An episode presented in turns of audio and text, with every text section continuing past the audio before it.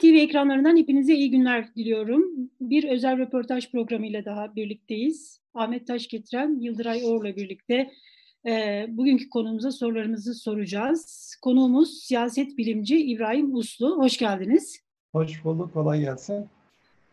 E, ben öncelikle isterseniz şunu sormak istiyorum. Türkiye'nin e, güvenilir anket şirketlerinden birisinin başındaydınız. Gayet böyle hani sahadan iyi e, ve itimat edilir veriler, e, sonuçlar ortaya koyuyordunuz. E, bıraktınız bir anda. Neden bıraktınız? Şimdi iki nedeni var. Birincisi e, çok güvenilir veri üretmek artık makbul bir iş olmaktan çıktı. Hatta sıkıntılı bir iş olmaya doğru döndü. Mesela şeyde bu son yerel seçimlerden örnek vereyim. Ben bir araştırma yaptık ve o dönemde hükümetin çok kullandığı argüman olan beka kavramına toplumun ne kadar itibar ettiğini ve beka kavramı üzerinden parti tercihini şekillendirip şekillendirmediğini ölçtük. Tam, tamamen bilimsel bir şeydi. Kaygıyla yapılmış bir çalışmaydı o. Ve özellikle büyük şehirlerde yaşayan seçmenlerin bu beka tehdidi retoriğine çok fazla itibar etmediğini, bu ülkenin bir beka sorunu olduğunu düşünmediklerini, toplumun %75'inin daha çok ekonomi odaklı konuya baktığını falan ve temel sorun olarak onu gördüğünü, e, ister açık uçlu ister kapalı uçlu sorduğumuzda e, BK'nın bir e, sorun olarak e, algı, algılanmadığını, o yüzden de hükümetin yanlış bir strateji güttüğünü ben şey duyurdum. Bir röportajda ya da bir televizyon programında. Keşke yapmaz olaydım çünkü arkasında e, bir şey haline geldi bu BK retoriği. Önceden sadece bir kampanya malzemesiydi. Ondan sonra bir e, iman unsuru, akide unsuru haline geldi adeta. Yani e, BK'ya inananlar ve inanmayanlar diye toplum ikiye bölündü. Ve e, yani mitik meydanlarından genel başkanlar yani o anketçi BK'yı anketle mi ölçüyormuş falan şeklinde yani doğrudan BN'de falan açıklamalar falan yaptılar. Yani hatta sonrasında bu e, araştırma şirketlerinin araştırma yapmadan önce yani devletten izin almaları, işte eğer sonuçlar yanlış çıkarsa yargılanma, yargılanabilmelerin önünün açılması, bu e, anket e, aç duyurularının işte belli bir kurala kaydaya bağlanmasına dair bir yasa tasarısı hazırlandı. Fakat e, seçim sonucunda bizlerin haklı çıktığı falan görülünce e, onu soğuttular. E, dolayısıyla yani e, güvenilir bir araştırma kuruluşunun başında olmak ya da güvenilir araştırmalar yayınlıyor olmak aslında Türkiye'de o kadar da makbul bir şey değildi. Evet, bunu takdir eden e, çok sayıda gerçekten bilgiye ihtiyaç duyan e, insanlar yok muydu? Vardı. E, zaten o motivasyonla biz de işlerimizi yapıyorduk.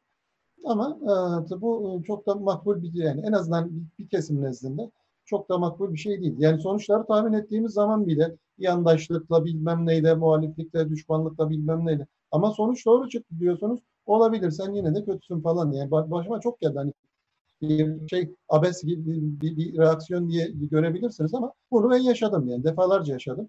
Referandumda da yaşadım. Yani ben şey e, arada bir fark yok diye Şubat sonunda zannediyorum daha o referandum sürecinin e, AK Partililerin %30'u bile henüz evet oy vermiyor. İşte bu e, e, şehirli sağcılar, yeni sağ oy vermeyecek falan diyor bildiğiniz analizlerimi ben e, yapmaya başladım.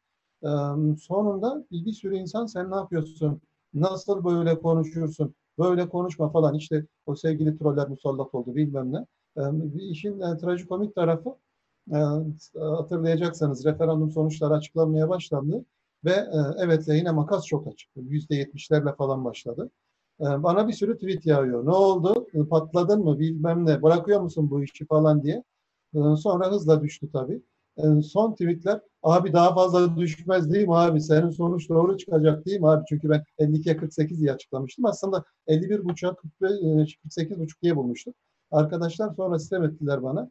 Ve ama ben şey yani biz yüksek seçim kurulumuyuz oğlum yani şey virgülden sonraki de tahmin yapılır mı? Bir hata payı içerisinde tahmin yapıyorsunuz. O yüzden virgüllü tahmin yapmak falan akıl kârı iş değil. O yüzden yuvarlayın demiştim. 52'ye 48 e, çıkmıştı.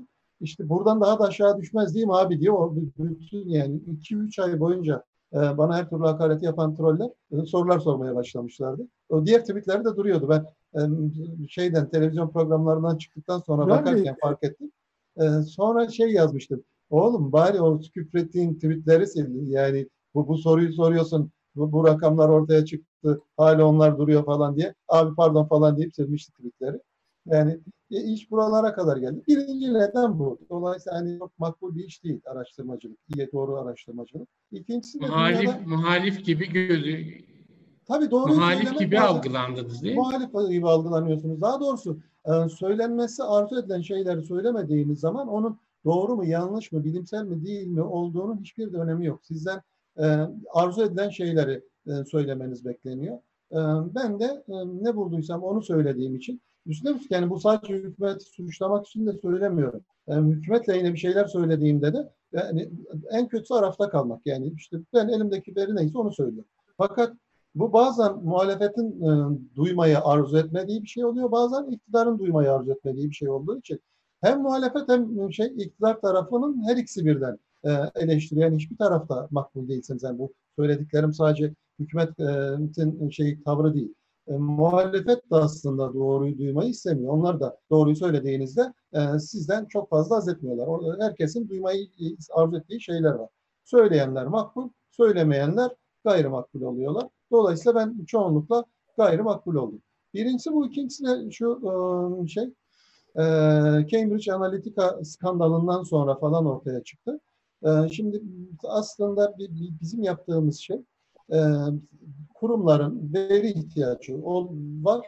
Sistematik ve bir belli bilimsel prensipler doğrultusunda derlenmiş ve analiz edilmiş veriye ihtiyacı var. Biz gidip bunu toplayıp geliyorduk. Fakat ee, bu verinin e, olmadığı, verinin kıt olduğu zamanlarda e, şey var olan bir ihtiyaçtı. Sonra veri bolluğu, veri okyanusları ortaya çıktı. İşte bu büyük veri, big data falan dedikleri şey ortaya çıktıktan sonra e, artık veri kıtlığı yok. Veri çok fazla var.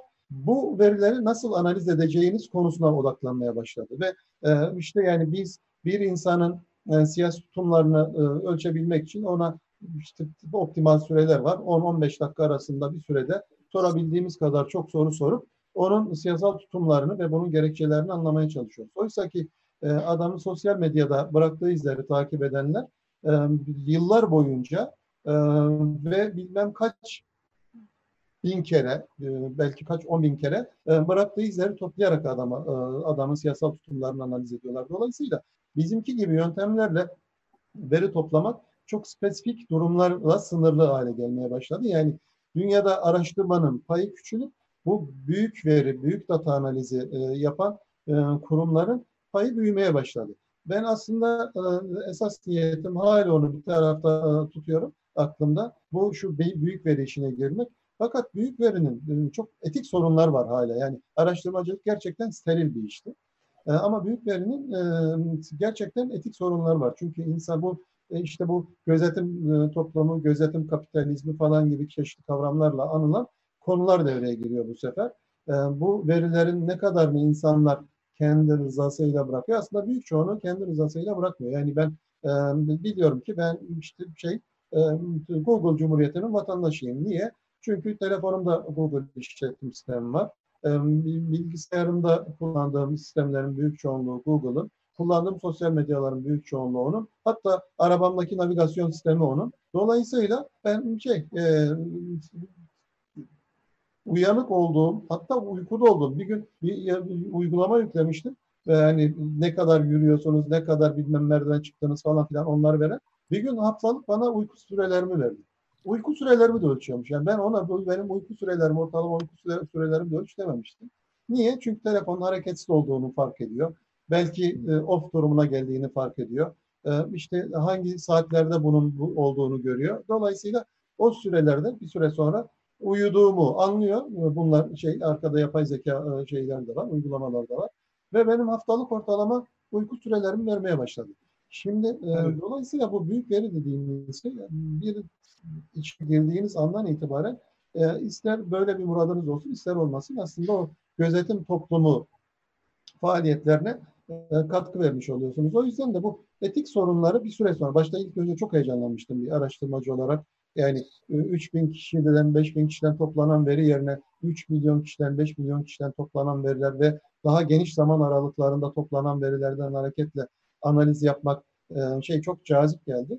Ama tabii bir süre sonra bu etik sorunları falan gördükçe e, ve orada e, trendin nereye doğru e, yol aldığını gördükçe e, biraz şey uzak durdum. Şimdi daha çok e, siyasal danışmanlık, e, siyasal iletişim falan anlamında işler yapıyorum. Yani birikimi orada kullanıyorum. Bir taraftan bu büyük veri işi nereye gidecek diye bakıyorum. Bir taraftan da araştırmaları takip etmeye devam ediyorum. Özetle yani çok uzun haliyle bunu daha önce açıklama fırsatım olmamıştı. Evet, çok güzel açıkladınız. Çok, heyecan, çok heyecan verici, güzel bir şekilde de açıkladınız. E, şeyi böyle yeni gelişen e, teknolojiyi de. Şimdi biz ama bu eski anketler üzerimize bir sürü yerde anketler geliyor hala. E, sosyal medyada da böyle anket yapan şirketler, bir takım karakterler, insanlar var. Böyle büyük büyük anketler, Türkiye çapında anketler. Şimdi biz sıradan e, okurlar olarak, bu anketlere muhatap olan insanlar olarak bize böyle birkaç tane e, kriter e, söyleseniz hangisi güvenilir, hangisi değil. Çünkü nasıl inanacağını da insan bilemiyor yani. Çok bir sürü rakamlar uçuşuyor havada. Siz böyle bu işin uzmanı uzmanı olarak ne, ne dersiniz yani? Nereye bakmak lazım bu anketlere? Şimdi ben orada ben şeye e, daha çok e, firma seçerek bakıyorum işin doğrusu. Hani firma ismi vermem doğruysa e, verebilirim de. E, birincisi bu telefonla yapılan anketleri ben oldukça başından beri çok güvenilir bulmadım. Çünkü Türkiye'de telefon verileri çok güvenilir veriler değil. E, o yüzden de ben telefon anketini çok çok mecbur kalmadığım zamanlarda kullanmadım. Mesela şu konjonktürde başka şansı yok. İnsanların telefonla bu anketleri yapmak zorundalar. Ya da online anketlere çok fazla itibar etmedim. Yani araştırma yapacaksanız gerçekten gidip şeyle kimle araştırma yaptığınızı, cevaplayıcının kim olduğunu bilmeniz lazım. Yönteminizin dolayısıyla cevaplayıcının kimliğini net biçimde bileceğiniz bir yöntem kullanıyor olmanız gerekiyor. Ee, bunun kullanılmadığı araştırmalara çok fazla itibar etmiyorum. Orada hata oranları çok yüksek oluyor. Ee, işte bu telefon verisi de illegal bir biçimde e, şey e, sızdı ve piyasada satılır hale geldi. Hatta sadece telefon numaraları da satılmıyor. Aynı zamanda şeyin e, telefon sahibinin bazı kişisel verileri de paylaşılıyor falan. Dolayısıyla orada ciddi şey yasal sorunlar falan da var aslında bu telefon anketiyle yapılan araştırmalarda. Ben o yüzden e, hala yüz yüze e, görüşme tekniğiyle yapılan çalışmalara itibar ediyorum. Bir de e, gerçekten bu araştırma ekibinin e, ilgili alanlarda eğitim almış e, falan olmasına da dikkat ediyorum. Bizim meslek genellikle e, şey, e, başka e, konularda eğitim almış insanların e, dönüp daha sonra şey merak saldığı bir şey araştırmacılık. Oysa ki çok teknik bir iş yani büyük oranda matematik, istatistik kullandığınız. Tabii elbette ki siyaset bilimi, sosyoloji, sosyal psikoloji falan bilmeniz gerekiyor ki o gelen rakamları doğru yorumlayasınız. Şimdi ne sosyal bilimsel şey formasyon ne istatistik matematik formasyonu ne de araştırma teknikleri formasyonu olmadan araştırmacılık yapan kuruluşlar var Türkiye'de maalesef. Yani işte üniversite eğitim almamış araştırmacılar yahut çok şey konu dışı alanlarda eğitim görmüş araştırmacılar falan var. Şimdi okula söylemiyorum arkadaşların şeyi kimleri kastettiğim anlaşılmasın diye. Ben bu, bu onlarda çok sorunlu görüyorum. Yani dolayısıyla bütün bunları da elimine ettiğinizde Geriye de çok az sayıda şey araştırmasına itibar edeceğiniz kuruluş kalıyor maalesef. E, ben de şimdi o, o sorunu yaşamaya başladım. Yani hangi araştırmaya dönüp bakacağım falan diye. Umarım bir süre sonra saygın güvenilir araştırmacılar ve araştırma kuruluşları en azından yeterli sayıda ortaya çıkar ama şu an baktığınızda hani bir, bir iki denenin ötesine geçmiyor. Peki İbrahim Bey, Peki, e, şimdi erken seçim tekrar konuşulmaya başlandı. E, ortalama artık neredeyse böyle hani bir, bir yılda bir, hani son bir, e, son beş yılda yapılan seçimlere baktığımızda aralıklar bakıldığında neredeyse hani bir yılda e, bir seçim yapar ülke haline geleceğiz. Yeniden böyle erken seçim konuşulmaya başlandı. Çünkü hani seçimin böyle hani e, o koşulları da sanki oluştu. Yani ekonomi iyi gitmiyor, toplumun pek çok alanında daralmalar var. E, ne diyorsunuz? Erken seçime gidilir mi? Bu sosyolojiyi nasıl okuyorsunuz? Ben gidileceğini düşünmüyorum. Türkiye'de en erken şey e, olası seçim e, bence 2021'in e, ortalarında falan olur. Amerikan seçimlerine bağlı olarak Türkiye'de erken seçim olur ya da olmaz. Yani e, en açık haliyle Trump eğer seçimleri yeniden kazanacak olursa ben 2023'e kadar hükümetin önünde hiçbir engel görmüyorum. E, ama Trump e, seçimi kaybedip yeni bir yönetim gelecek olursa, Amerika'da statü değişecek olursa, Türkiye ile Amerika arasında Trump tarafından şeye, e, rafa kaldırılmış sorunlar yeniden sıcak gündemler haline gelebilir ve o ekonomiyi yönetilebilir olmaktan çıkarabilir böyle bir risk var. E, o zaman da erken seçim gündeme gelebilir ama yani neyi kastediyorum? S-400 yaptırımları, İran, e, İran'la ticaret altman falan o, o, bağlamda gelecek yaptırımlar, e, şey e, Türkiye'nin dış ticaretinin engellenmesi falan gibi çeşitli e, aslında yaptırım riskler var. Ama şey Türk hükümeti şeyle Trump yönetimiyle anlaşarak bu bunları rafa kaldırmayı başardı şu ana kadar. O yüzden biz o ekonomik müeyyidelerle çarptırılmadık. Ama eğer ekonomik müeyyideler, yaptırımlar uygulanacak olursa Türk ekonomisinin zaten kırılganlıkları olan Türk ekonomisinin o yükü taşıyamama olasılığı yüksek. O yüzden de erken seçim ancak o koşullar altında konuşabiliriz. Ama şu an için bir erken seçim ben riski görmüyorum. Tam tersine bu son dönemlerde yapılan çalışmalarda hükümetin güçlendiğini gözlemledik. Bu korona sürecinde hükümete olan destek ve Sayın Cumhurbaşkanı'na yönelik destek arttı. Onun da mekanizmasını ben işte geçen hafta şeyde pencere, gazete penceredeki köşe yazımda anlatmaya tabi uzadı biraz tam sayfa oldu. Mekanizmayı anlatmak uzun sürdüğü için. Önceden bir köşe ayırıyorlardı. Bu sefer ise sayfa ayırdık dediler. Günü kaydırıp ertesi gün işte tam sayfa çıktı o şey yazı uzadığı için. Orada anlatmaya çalışmıştım. Bu şey iki mekanizma var. Birincisi ekonomi yani seçmen her zaman şey ekonomik oy verme davranışı göstermiyor. Zaten bizimki gibi ülkelerde seçmen önemli bir kısmı siyasal kimlikle oy veriyor. Sadece ekonomik oy verme davranışı daha küçük grupların tavrı ve konjonktürel olarak bu artıyor azalıyor falan. mesela 2001 yılında şey yaşanan krizden sonra 2002 yılında böyle bir reaksiyon olmuştu ama orada bile yine bu siyasal kimliğin etkisi ile ekonomik oy verme davranışının etkisi yani benim kanaatim siyasal kimliğin etkisi hala daha yüksek e, ekonomik oy verme davranışında. E, fakat bu ekonomik oy verme davranışının rafa kalktığı dönemler.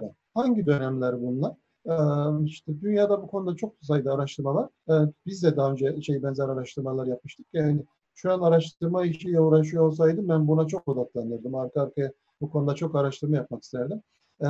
Eğer iyi çalışan sosyal yardım mekanizmalarınız varsa insanlar bu ekonomideki genel performansınıza bakmıyorlar. Ekonomi kötü bile gidecek olsa sosyal yardım mekanizmalarınız yoksa ekonomideki gelişmeler seçmenin oy verme eğilimini belirliyor. Ama eğer sosyal yardım mekanizmalarınız varsa ve insanları en kötü koşullarda bile en azından temel ihtiyaçlarını karşılayacak belli yardımları yapabiliyorsanız e, o zaman ekonomideki genel gelişmelere değil verdiğiniz yardımlara bakıyor seçmenler. Şimdi biz bu makarnacılar, kömürcüler tartışmasının çok e, popüler olduğu dönemde o, o dönemde sosyal yardımlardan yararlanan kitleler üzerinde e, araştırmalar yapmıştık ve gerçekten oy verme davranışıyla sosyal yardımlar arasında çok güçlü bir ilişki, çok güçlü bir korelasyon tespit etmiştik. Yani o dönemde hükümete yönelik ortalama destek 43-47 aralığındayken bu grupta bu destek 70'lerin üzerindeydi. Yani %80 daha fazlaydı. Şimdi bu tür dönemler içinde bulunduğumuz... Kaç, kaç kişi yardım alıyor böyle İbrahim Bey? Bir tespitiniz var mı? Şu an bu 2020 yılında hükümetin açıkladığı 2020 programında 2019 yılında kaç kişi yardım alıyor bunu devlet söylüyor. Belediyeden yardım alanlar hariç 16.8 milyon insan bu yardımlardan yararlanıyor. Bunlar bireysel yararlanıcılar ama bunların aileleriyle birlikte toplam kaç kişi olduğunu bilmiyoruz. O, onu hesaplamıyoruz. Peki İbrahim Bey, şunu, şunu, şunu anladım ben e, sizin anlatımlarınızdan. Bu belediyelere işte hani e, iktidarın getirdiği yardımı sen yapamazsın ben yaparım e, aslında e, altında bu yatıyor. Çünkü yardım ve oy oranı, destek arasında sıkı bir bağ var. Aynen bir yani şey e, eğer e, başınız dara düştüğünde e, gideceğiniz birden fazla kapı varsa o zaman herhangi birine bağlılık hissetmenize gerek yok. Ama tek kapı varsa orayla güçlü bir bağımlılık ve arkasından da güçlü bir bağımlılık ilişkisi e, gelişiyor. E, çünkü yaşamak için e, oraya bağımlısınız ve orası sizin yaşamanızı sağlıyor. Şimdi bazı bunu şey diye eleştiren insanlar çıkıyor ben böyle sohbet ederken. Üç kuruş şey kardeşim onunla bu işler olur mu falan diye. Şimdi ben ona gazetede de bu örneği kullanmıştım. Diyorum ki yani bir bardak suyun maddi değeri çoktur. Ee, yani bunu parasal olarak ölçtüğünüzde bardak su gerçekten değersiz bir şeydir. Yani hele şişelemediyseniz, paketlemediyseniz bilmem ne falan suyun bir de, parayla ölçülebilecek bir değer yok. Ama susuzluktan ölmek üzere olan biri için bir bardak suyun marjinal faydası o kadar yüksektir ki onun hayatta ölüm kalım meselesidir onun için. Dolayısıyla bu yapılan yardımları yardımın maddi miktarıyla, nominal değeriyle falan e, bağlantılandırmamak lazım gerçekten çok mağdursanız, bütün gelirinizi kaybetmişseniz, başka hiçbir geliriniz yoksa devletin size verdiği 500 lira, 600 lira, 800 lira ya da 1000 lira ya da 1100 lira falan civarındaki çeşitli yani şu anki e, verilen çeşitli tipler için e, ya, mağduriyet tipleri için verilen yardım rakamlarından bahsediyorum. Bu rakamlar çok büyük rakamlar haline geliyor. İşte en son e, insanları işten çıkarmayın, ücretsiz izne çıkarın ve ben onlara bir ücretsiz e, izin ödeneği vereyim dedi devlet. E, işte 1100 lira civarında bir e, ücretsiz ödeneği veriyor. Alternatifi ne bu insanın? Sıfır. E, yani işini kaybetmek. Şimdi işini kaybetmedi en azından bir işte ve bir de üzerine 1100 lira civarında bir gelir elde ediyor. Bununla geçinebilir mi? Tabii ki geçinemez. Ama yani adam bu, bu benim geçimime yetmiyor. Dolayısıyla şey, ben bundan şikayet edeyim demiyor. Çünkü hiçbir gelir olanağı olmayan birine yani o insanlar biliyorlar ki işlerini kaybetmeleri durumunda şu konjonktürde başka iş bulamayacaklar. Hatta sokağa bile çıkamayacaklar iş aramak için ve gelirleri sıfır.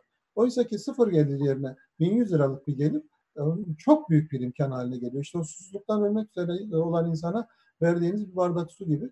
O yüzden de bağımlılık ve arkasından gelen e, bağlılık ilişkisi e, bu tür dönemlerde hükümetlere e, yönelik desteği artırıyor. Eğer sosyal yardımlarda olmasaydı e, büyük e, toplumsal reaksiyonlar gelebilirdi ama e, bunu iyi gören siyasetçiler mesela Amerika'da benzer bir şey oldu. Amerika'da tarihinde ilk kez vatandaşlar evinde oturuyor. Çekleri gelir işte bin küsur dolarlık çekleri e, evlerine geliyor. Üzerinde Trump'ın adı, imzası vesairesi var. Hatta ismi olmadığı için çekler iptal edildi. Sonra e, yeni çekler basıldı, gitti. E, ve hasta olurlarsa da, COVID'e yakalanacak olurlarsa da e, bakın hastane ücretleri ki e, herhalde 10 binler hatta 100 bin dolar açacak bir maliyetten bahsediyoruz. O e, devlet tarafından karşılanacak. Bu bir, bir şey için yani o, Amerika kurulduğundan beri Amerikalılar böyle bir şey görmediler ve bu imkanlara kavuştular. Şimdi bunun e, bunun şeyini etkisini ve siyasal davranış nasıl siyasal davranışlara yol açacağını bence e, bir daha oturup bakmak lazım. E, dünyada bu konuda yapılan araştırmalar dediğim gibi eğer iyi sosyal mekanizması olan ülkelerde ekonomi kötü bile olsa hükümetlerin oy kaybetmediğini gösteriyor. Hatta dünyada sağın yükselmesinde de bu iyi sosyal programlar önermesinin payı olduğu yine e, siyaset bilimciler tarafından e, çeşitli araştırmalarda iddia ediliyor. Buyurun. Muhalefetin e, söylemi yani bunlar yetmez son derece işte sınırlı yardımlar yapılıyor vesaire tarzındaki söyleminin bir karşılığı olmadığını mı anlamamız lazım? Kesinlikle. Kesinlikle. E, hele bu süreç uzadıkça insanlar e, için o şey küçük paraların e, karşılığı çok yüksek. Biz işte bu şartlı nakit transferi, sosyal yardımlaşma dayanma vakfından yardım alan insanlar, yaşlık yardım alan insanlar falan üzerinde çalışmalar yapmıştık. Bu rakamlar çok küçük rakamlar. Yani bugünkü rakamlarla 200, 300, 500 ya da düzen, sosyal yardımlaşma dayanışma vakıflarından alınan yardımlar zaten düzensiz yardımlar. Bazen gidiyorsunuz gıda yardımı alıyorsunuz. Hasta oluyorsunuz sağlık yardımı alıyorsunuz. Çocuğun okul zamanı geliyor eğitim yardımı alıyorsunuz falan böyle rakamlar ya da işte düşük gelirli gruplu ailelerin çocuklarını okula göndermesi için anneye verilen e, şey evet. kaç yüz lira değerinde eğitim yardımları falan vardı. O rakamların o insanlar için ne kadar büyük anlam ifade ettiğini görmek beni işin doğrusu şaşırtmıştı araştırmaları yaparken. Yani ama alternatifimiz sıfırsa gelecek 200 lira, 300 lira, 400 lira bazen o kadar büyük bir para haline geliyor ki e, ve o, onun şey marjinal faydası bu gruplar için çok yüksek. Yani zaten belli bir gelir seviyesindeki insanlara vereceğiniz 500 lira, 1000 lira çok anlamlı ifade etmeyebilir. Zaten 100 bin lirası olan insana ilave vereceğiniz 1000 liranın marjinal faydası yoktur ama 0 lirası olan birine vereceğiniz 1000 liranın marjinal faydası çok yüksek. O yüzden bu tür eleştiriler anlamlı değil.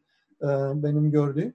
Ee, Demek ki 16,5 şey, milyon yani muhalefet henüz buna adapte olamadı benim gördüğüm. 16,5 milyon bir anlamda banko e, iktidarın yanında yer alan bir oy potansiyeli oluyor. İşte tabii onların bir kısmı çoluk çocuk şey olabilir, yaşlı insanlar olabilir, şey e, ya da e, işte bizim tahminimiz o, dönemde yüzde 70-75 aralığındaydı bu kitlede oy verme eğilimi. E, yani bir firesi olsa bile bunlar tabii sonunda kendine yıllardır bakan, yardım eden insanlara karşı tırnak içerisinde kadir şinaslık gösterip gidip yeniden ona oy veriyor. Tabii bir taraftan da bir güvenlik yani bu hükümet bu yardım veriyor. Yeni gelecek olanın ne vereceğini bilemezsiniz. Yani bu e, daldaki kuş e, şey e, eldeki kuş falan hesabı. E, daldaki kuşa vesledip ya da dimyata pirince giderken eldeki bulgurdan evdeki bulgurdan olma riski var.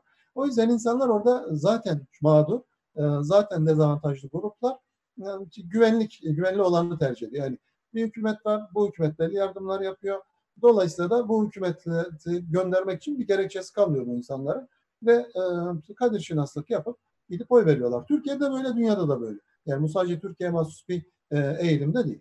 İbrahim Bey, bu korona ile bağlantılı bir iki başlık daha var. Mesela bunlardan birisi Cumhurbaşkanlığı sistemi bu süreçte güçlendi tarzında bir e, görüş var. Bir başkası hani e, belediyelerle girilen tartışmada ne oldu size göre? Yani burada e, belediyelere yönelik hani paralel yapı vesaire gibi suçlamaların toplumdaki karşılığı ne oldu? Bir de malum koronadan sonra hiçbir şey eskisi gibi olmayacak.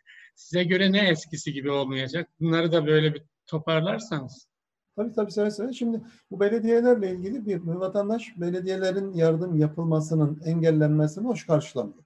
Yani orada e, toplumun önemli bir kısmı e, %60'ından fazlası bunun e, yanlış olduğunu söyledi. Fakat e, bu yüzden oy verme eğilimini değiştirdi mi diye soracak olursanız değiştirmedi. Yani dedim ya bir taraftan böyle düşündü. Yani belediyeler yardım yapabilmeli diyor. Ama e, bir taraftan da hükümete olan destek artıyor. Yani ikisinin bir arada yürüyebileceğini görmek lazım. Yani e, bu hükümete oy kaybettirmiyor. E, şey, e, o yüzden de benim gördüğüm yani bu hükümetin bu politikası ona oy kaybettiren bir şey olmadı. Evet toplum bunu yadırgadı, benimsemedi ama oyu da kaybettirmedi. Benim gördüğüm hükümet bu şey yani testiyi kırmadan çocuğu dövme şey vardır ya bizim kültürümüzde. Evet. E, doktrini, doktrin diyelim biz ona. E, o doktrini uyguluyor. Şimdi e, daha önceki yıllardaki gözlemleriyle e, bunu zaten dillendirdiler de. E, bunu Sayın Cumhurbaşkanı birkaç kere dillendirdi. Yani belediyeler, İstanbul'u, şehirleri, yereli kaybettiğimiz zaman e, Ankara'yı da kaybederiz. E, yani Ankara'nın yolu İstanbul'dan geçer falan şeklinde bir şey vardı. Niye bunu söylüyor? Çünkü e, içinde bulunduğu Milli Görüş Hareketi ilk önce belediyeleri devraldı. E, sonra oradaki performansıyla e, büyüdü ve e, şey hükümeti alacak oy seviyesine çıktı. Bu mekanizmayı bildiği için birincisi bu, kendi deneyimleri. İkincisi ana vatanın belediyeleri kaybettikten sonra bir daha belin doğrultamaması realitesi bu. 1980'lerden bu tarafa yani son 40 yıl içerisinde e, yerel yönetim, merkezi yönetim ilişkisine dair iki tane büyük deneyim var. Dolayısıyla da hükümet e, yerel yönetimleri kaybetti. Bunu bir sinyal olarak aldı. Ama e, rakiplerin yerel yönetimlerde başarılı olmasına e, izin vermeyerek onları yerel yönetimlerde başarısız yaparak iktidar alternatifi olmaktan çıkarmaya çalışıyor.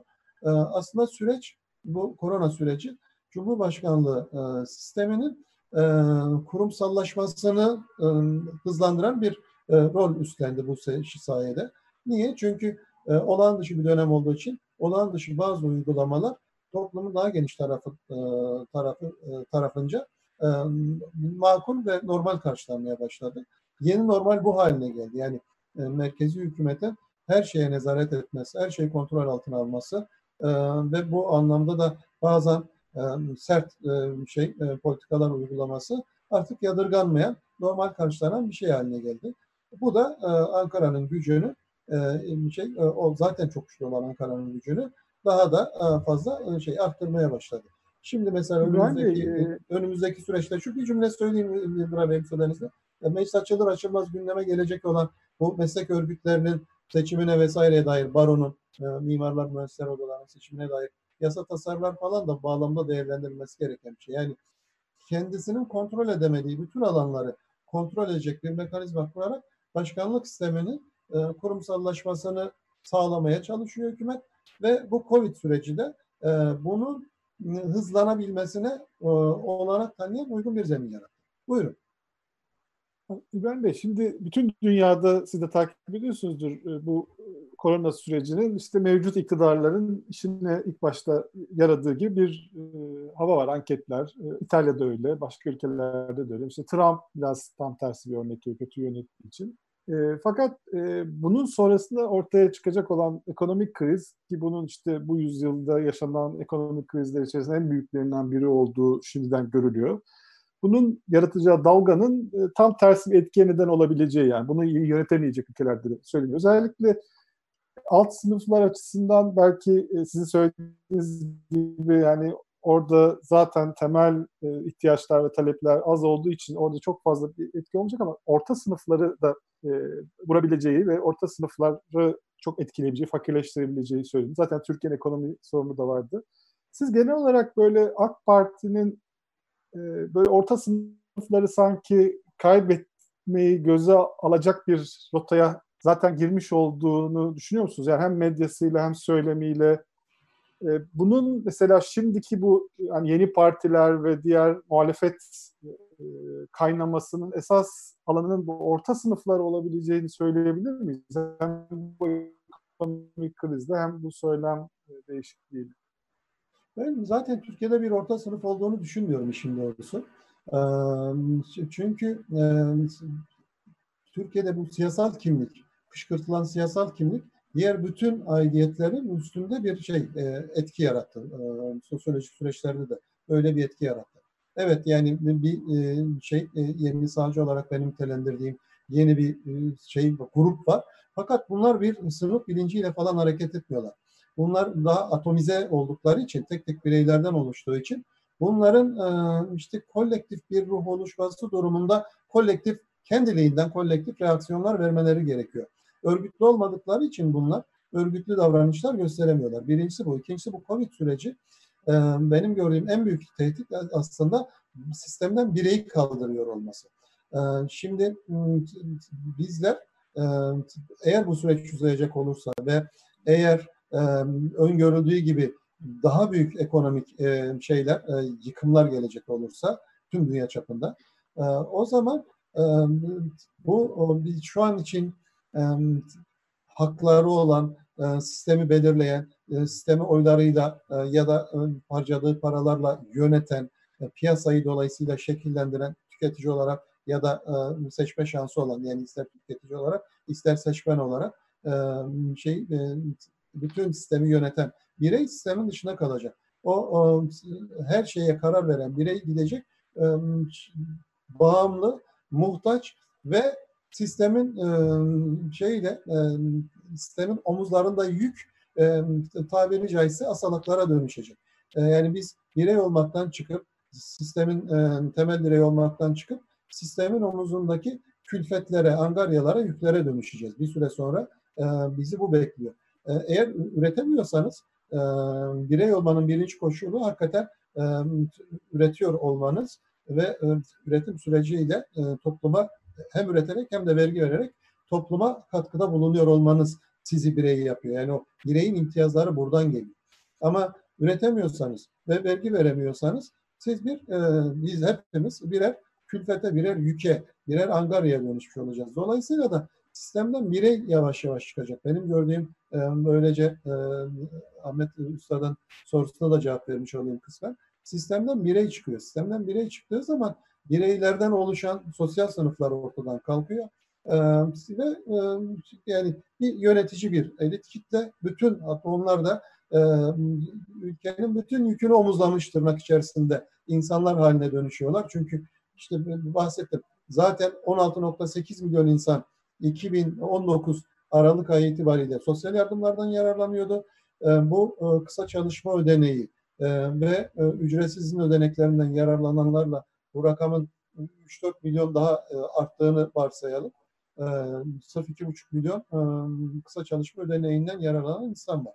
E, bir o kadar da şey olduğunu, o rakam açıklanmadığı için e, ücretsiz çalışma ödeneğinden yararlanan olduğunu düşünecek olursanız e, bunlar e, bireysel yararlanıcılar. Bir de bunlara aileleri falan eklediğinizde kaç milyon insanın aslında şu an e, üretmeyip sistemin omuzlarında yük haline geldiğini düşünebiliriz. Bunun bir de yıllara yayıldığını düşünün. Bir süre sonra birey değil sadece e, bakıma muhtaç e, ve külfet haline gelmiş toplumun omuzlarına. Fakat İbrahim Bey, insanlardan İbrahim Bey, Şimdi bu sürdürülebilir bir şey gibi gözükmüyor değil mi? Yani insanlar belli tüketim alışkanlıkları da oluştu.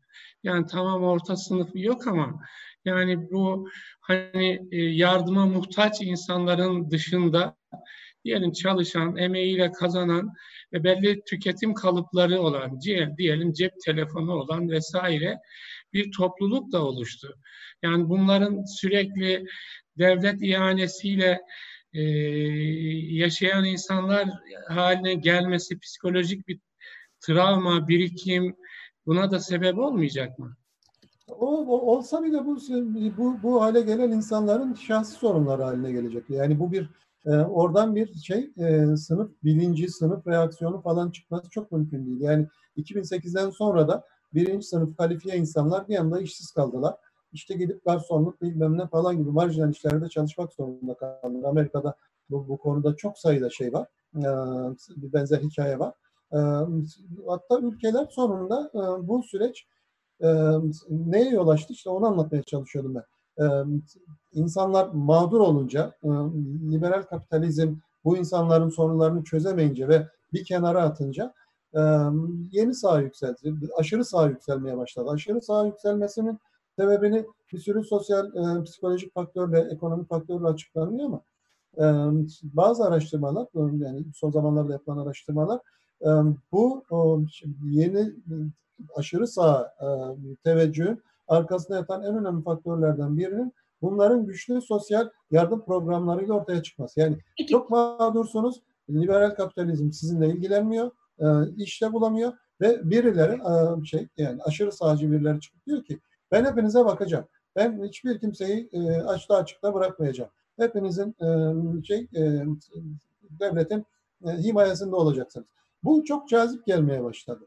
Yani bu e, şeyde e, özellikle e, şeyden etkilenen, e, 2008 küresel krizden etkilenen ülkelerde yeni sahanın yükselmesiyle istisnasız bunların tamamı sosyal refah, güçlü sosyal refah programlarına sahipler. Sosyal devlet savunuyorlar piyasa mekanizmasını eleştiriyorlar ve dolayısıyla liberalizmi eleştiriyorlar. Liberalizmi eleştirince şey otomatik olarak demokrasi dışında, liberal demokrasi değerleri dışında bir şeyler savunuyorlar ve insanlar buraya kümelenmeye başladı. Şimdi bu sürecin bunu daha da şiddetlendireceği yönündeki kaygılar buradan geliyor. Dolayısıyla e, sınıflar falan kalmıyor. Yani bir çalışan sınıf olmadığı için e, işte başka kavramlar, e, prekarya bilmem ne falan gibi kavramlar geldi malumunuz e, prekarya proletaryadan farklı bir şey. Yani proletarya bir sınıf ama biraz, prekarya bir sınıf değil bence. Bir güruh. Evet. İbrahim Bey biraz böyle keseceğim ama birazcık daha somut şeyler konuşalım mı? Yani Olur seve seve. Tamam, tamam. Birazcık daha böyle somut, birazcık daha böyle. Mesela biraz önce işte bir yeni seçmen e, psikolojisinden, kitlesinden bahsettiniz. 2000, 2017 referandumunda siz bunun adını koymuştunuz. E, Türkiye'de hani seçmen sosyolojisinin değiştiğini. Yani bir tarafta tamam yardımlar yani yardımlardan dolayı aldığı yardımlar işte hani e, siyasal böyle hani tercihlerini, davranışlarını değiştiren bir seçmen kitlesi var. Ama Türkiye'de yeni bir seçmen kitlesi daha var. Dediniz. Bu beyaz sağ seçmen kitlesinden bahsettiniz. Doğru. Dediniz ki sınıf bilinciyle hareket etmiyorlar. Biraz bunu böyle somut konuşalım. Mesela bunlar kimler? Özellikleri ne? Hani ne yerler, ne içerler, ne yaparlar? Tamam şimdilik böyle bir hani bir, bir böyle sınıf bilinciyle hareket etmiyorlar ama yani bunlar mesela AK Parti'den yani AK Parti'den ve MHP'den soğuyan, dolayısıyla beyaz sağ muhafazakar seçmen kitlesi. Ee, bunlar mesela hani oranı ne kadar bu kitlenin oranı? Ee, mesela bu kitle Türkiye'de işte bir siyasal düzeni değiştirir mi? Yani bir siyasi parti iktidara taşıyacak oranda mı? Biraz böyle hani somut bir şekilde bunu anlatır mısınız bize? Şimdi bunların e, ortak özellikleri işte 45 yaş altında iyi eğitimli olmaları, büyük şehirlerde yaşıyor olmaları, ortalamanın üzerinde gelir seviyesine sahip olmaları e, bunların ortak özellikleri evet. muhafazakar ailelerden geliyor evet. olmaları. E, ama bu, bu rakam e, işte 2017 referandumuna giderken e, AK Parti ve MHP'nin toplam oy oranları o esnada %60'ın üzerindeyken %51,5'la e, referandum geçebildi. %11 e, civarında bir fire verdi. Bu firenin büyük kısmı bu profilden oluşuyor. Ben o yüzden bunları o, o dönemde teşhis etmiştim. Yani belli bir kitle var. Daha önce sağ partiler oy vermiş. O gelenekten geliyor. solcu değil, kendini sosyal demokrat vesaire falan olarak tanımlamıyor. iyi eğitimli vesaire ama referandumda da ayrı oy vereceğini söylüyor. O kitle daha sonra Cumhurbaşkanlığında da oy vermedi. O yüzden Cumhurbaşkanlığı seçiminde de referandumdakine benzer bir oy alındı. Şimdi hükümet de benim gördüğüm bu şeyi kitleyi fark etti. O kitle normal şartlar altında demografik olarak büyümesi gereken bir kitleyken aslında son 3-4 yıldır çok fazla büyüdüğünü gözlemlemedik. Belki e, çok yavaş geliştiği için, e, büyük demografik hareketler olmadığı için içinde gözlemlemedik ama hükümet de belli tedbirler alıyor. Şimdi e, bu Covid süreci e, bunun tuzu biberi oldu. Yani bu bahsettiğim kitle aynı zamanda bu Covid sürecinden en çok etkilenecek kitle. Niye? Çünkü evet bunlar evden çalışabiliyorlar falan. Öbürü e, işte gidip bizzat mesela e, şeyle emeğiyle çalışması lazım falan ama bu, bu insanlar e, daha önceki ekonomik krizde de öyle olmuştu. İlk işini kaybeden insanlar bu insanlar. Ve bunların mesleki yetenekleri yani işte e, sürekli e, gündelik işlerde çalışan insanlar işte bugün hamallık, yarın inşaat, öbürsü gün işte tamircide, bir iki gün boyacıda, bir, bir ertesi gün başka bir işte çalışabiliyorlar. Çünkü her işi yapmaktan gelişen bazı şey melekeleri var. Ama bizimki gibi insanların yapabilecekleri işler çok sınırlı. Yani belli işler yapabiliyoruz. O alan dışına çıktığımızda hiçbirimiz hiçbir işe yaramıyoruz. E, dolayısıyla da bu tür ekonomik krizlerde en fazla etkilenen insanlar bunlar aslında. Yani turizm sektörü, hizmetler sektörü, bilişim sektörü falan gibi sektörler ya da danışmanlık sektörü, bilgi üreten sektörler falan bir şey durduğu zaman tam da bir bahsettiğimiz bu kitle bir anda o bağımsız, güçlü, işte ekonomiye yön veren, siyasete yön veren kitle en fazla bağımlı hale gelecek kitle olacak ve bir sınıf bilinciyle falan hareket etmedikleri için de en e, şey e, benim gördüğüm e, mağdur olacak olan kesim ve bağımlı olacak olan kesim bu grup olacak. Bir süre sonra içinde bulundukları durumu meşrulaştırmak için bu sefer o siyasal kimliklerini hatırlayıp yürütülen endoktrinasyondan da etkilenip tırnak içerisinde şey iyi vatandaş olmaya başlarlar mı falan bunları göreceğiz. Yani bunların nasıl böyle bir deneyimimiz olmadığı için nasıl reaksiyon vereceğini bu kitlenin yeni, Ama yeni partilere geçme ihtimali var mı? Bu yeni sağ partilere oy veren insanlar hiç böyle alt sınıflar falan değil. Gayet orta sınıflar yeni sağ partilere oy veriyor. Peki Deva Partisi mesela iki tane yeni parti kuruldu. AK Parti aslında kurulduğu zaman işte gençlere ulaşabilen bir partiydi.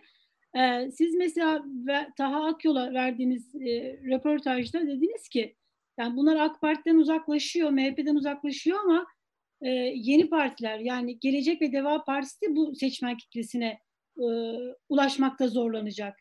Yani siz aynı zamanda bu seçmen kitlesine sadakatsiz seçmen kitlesi de diyorsunuz. Yani doğru, çünkü doğru. neden zorlanacaklar? Birincisi bu Covid olmasa bile bu partiler zaten bu seçmen kitlesine ulaşmakta zorlanıyorlardı. Niye?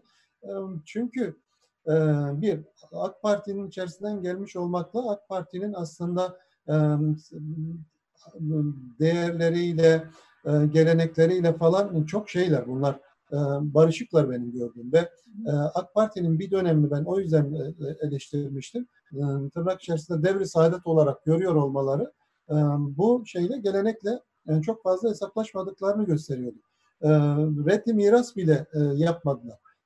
Bir dönemde çok iyiydi. O dönemde biz çok güzel işler yaptık.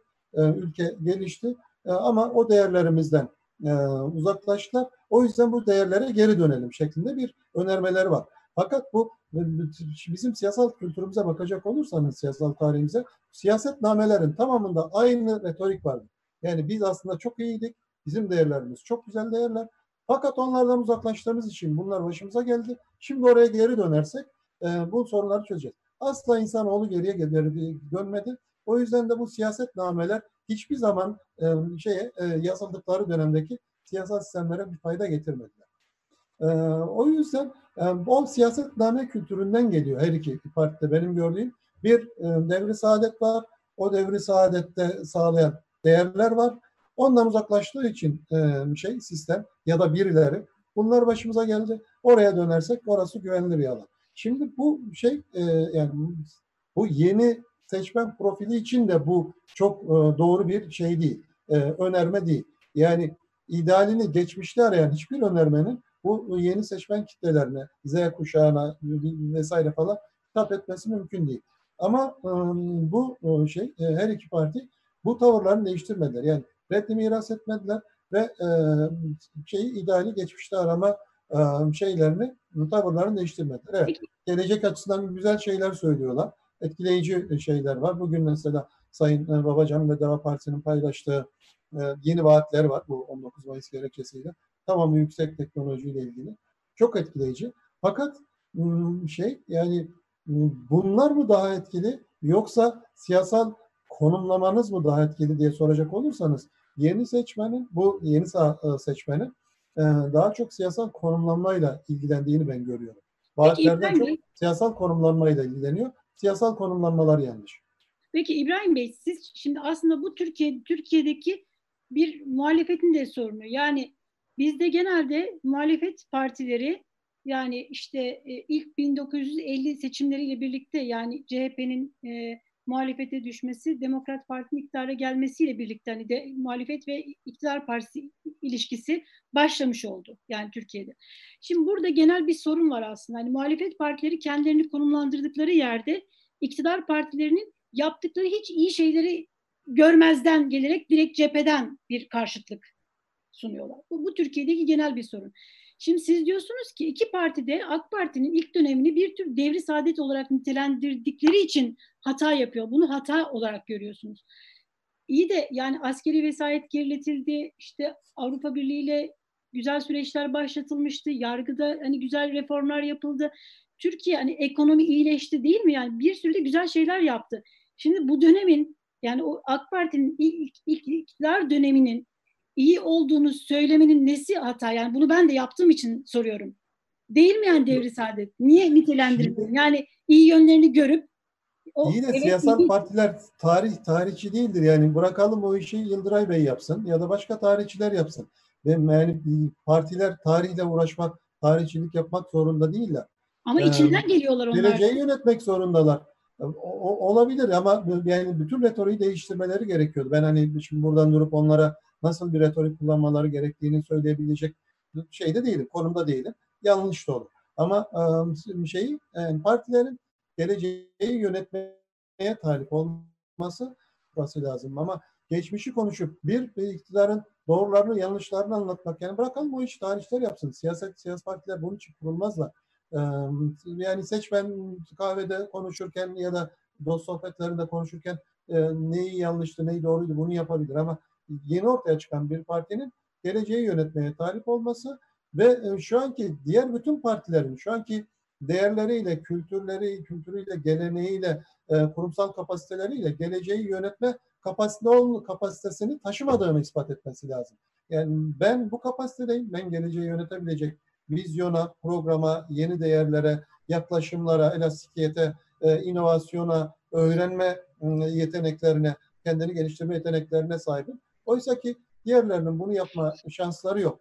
Bir geçmişi yargılamak değil ama mevcut halleriyle Bu mevcut partiler geleceği yönetemezler. Ben yönetebilirim. Bunu dediğiniz zaman rakiplerinizden farklılaşmış ve oralardan oy koparabilirsiniz. Ama onların e, geçmişte yapmış oldukları yanlışlar ve doğruları habire tartışarak ve her programda bunu tartışarak, her iletişiminizde bunu tartışarak bunu yapamazsınız. Yani e, benim gördüğüm e, o yüzden de seçmen şöyle bakıyor. Yani bunların da diğerlerinden fark yok diyor birincisi. Bunu der yani. Çünkü partiler zaten birbirlerini geçmişleriyle yani işte AK Parti CHP'yi, bugünkü CHP'yi 1920'lerdeki, 30'lardaki, 40'lardaki uygulamalarıyla eleştiriyor. En, en yakın eleştirisi ama sizin zamanınızda kuyruklar vardı. Ne zaman? 70'li yılların sonu. Şimdi şey yani 50 yıl öncesiyle eleştiriyorsunuz en yakın.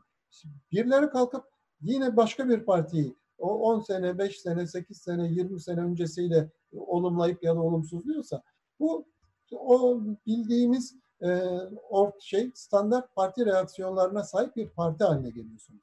E, dolayısıyla sıradan bir parti oluyorsunuz tırnak içerisinde. O zaman da yani diğerlerinden e, aslında tutum, tarz, davranış olarak, e, paradigma olarak, yaklaşım olarak, e, e, siyaset diyaloğu yaklaşım olarak diğerlerinden farkınız yoksa benim burada mı, orada mı, şurada mı olduğunun da bir önemi kalmıyor yani. Herhangi partinin diğerine üstünlüğü kalmıyor. Ne olur bu durumda? İşte 1990-2000 arasında hatırlayın. Şu an ona benzer bir senaryo var. Eğer bu Covid süreci e, hani şey e, siyasi e, atmosferi değiştirmediğini varsayacak bile olursa 90-2000 arasında e, mesela 99 seçimlerinde barajı geçen 4 tane sağ parti vardı. Sağ uzan beslenen e, 4 tane parti vardı. En yükseği MHP %18 almıştı.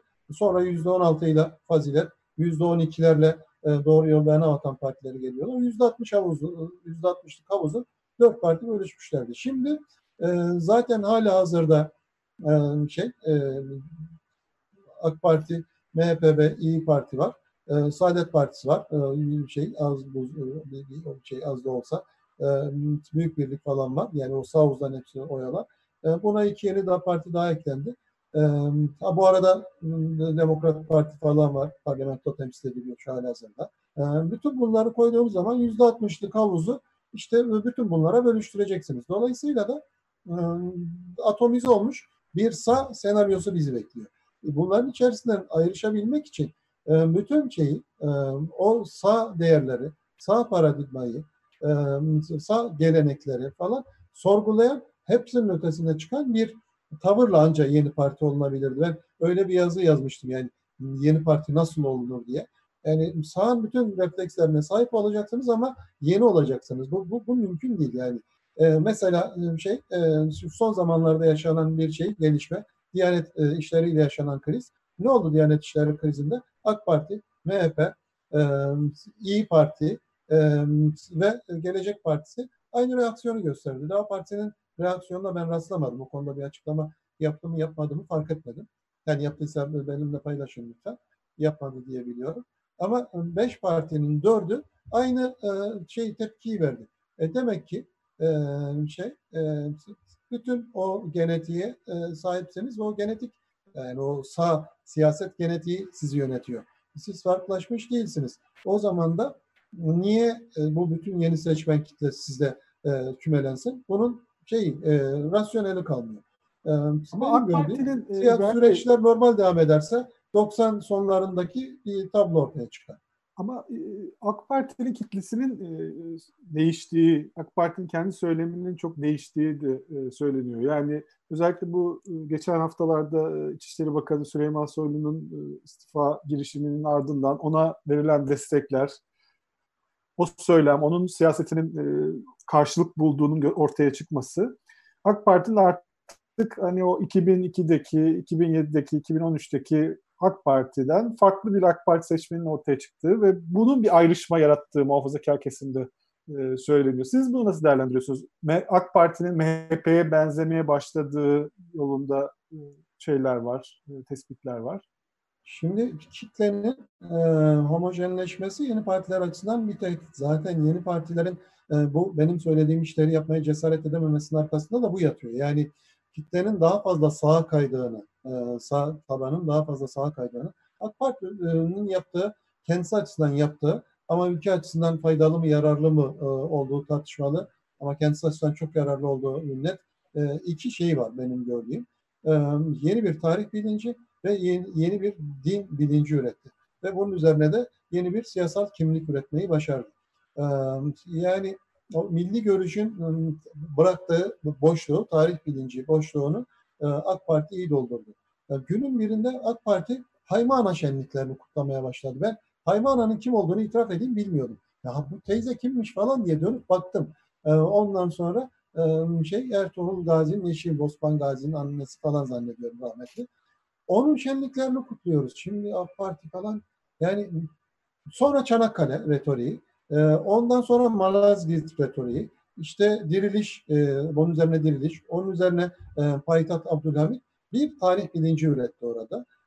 Ve şimdi bu tarih bilincine inanmamak adeta dinden çıkmayı, en azından kötü vatandaş e, olduğunuzun garantisi. Yani bu, bu, bu tarih bilincine inanmıyorsanız, bunu reddediyorsanız tırnak içerisinde siz makbul vatandaş olmaktan o şey e, ötelemiyorsunuz. Sadece siyasal sistem size böyle davranmıyor.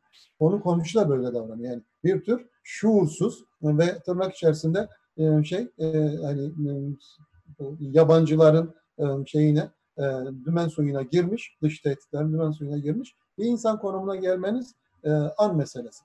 Bir tarih bilinci oluşturdu. Bir din bilinci de oluşturdu. E, yeni bir din anlayışı oluşturdu. E, yani işte onun da açılımlarını görüyorsunuz artık. E, Ama bunun e, bunun toplumsal cinsiyet eşitliğine giden tarafı var. E, aile yaşamına giden tarafı var. Bir, bir sürü boyutları var artık. Bunun ee, alıcısı olmayan bir kitlede yok mu? Yani daha Parti, AK Parti döneminde işte daha eğitimli hale gelmiş, daha şehirli hale gelmiş genç bir kitle de yok mu? Bu, bunlarla tatmin olmayan, siz de etrafınızda görmüyor musunuz? Yani bu verilen var, var ama, tatmin olmayan. Var ama bunların sayısı o şey bir e, yeterince fazla değil. Çünkü muhalefet içerisinde de benzer e, şey e, dini bir doktrinasyon, endoktrinasyona ve bir tarih anlayışına sahip gruplar var.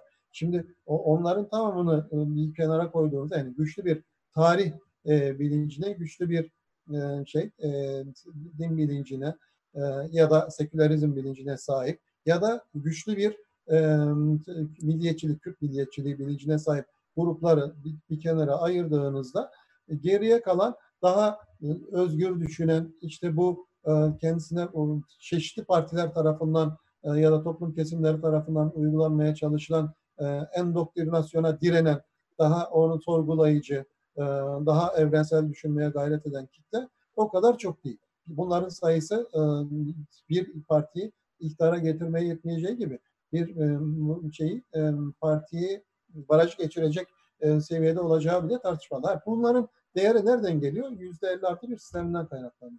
Normal şartlar altında daha önceki bu tür şey hani liberal parti ya da Cem Boyner'in kurmayı denediği parti falan gibi partiler kadar teveccüh görürdü bunlar aslında.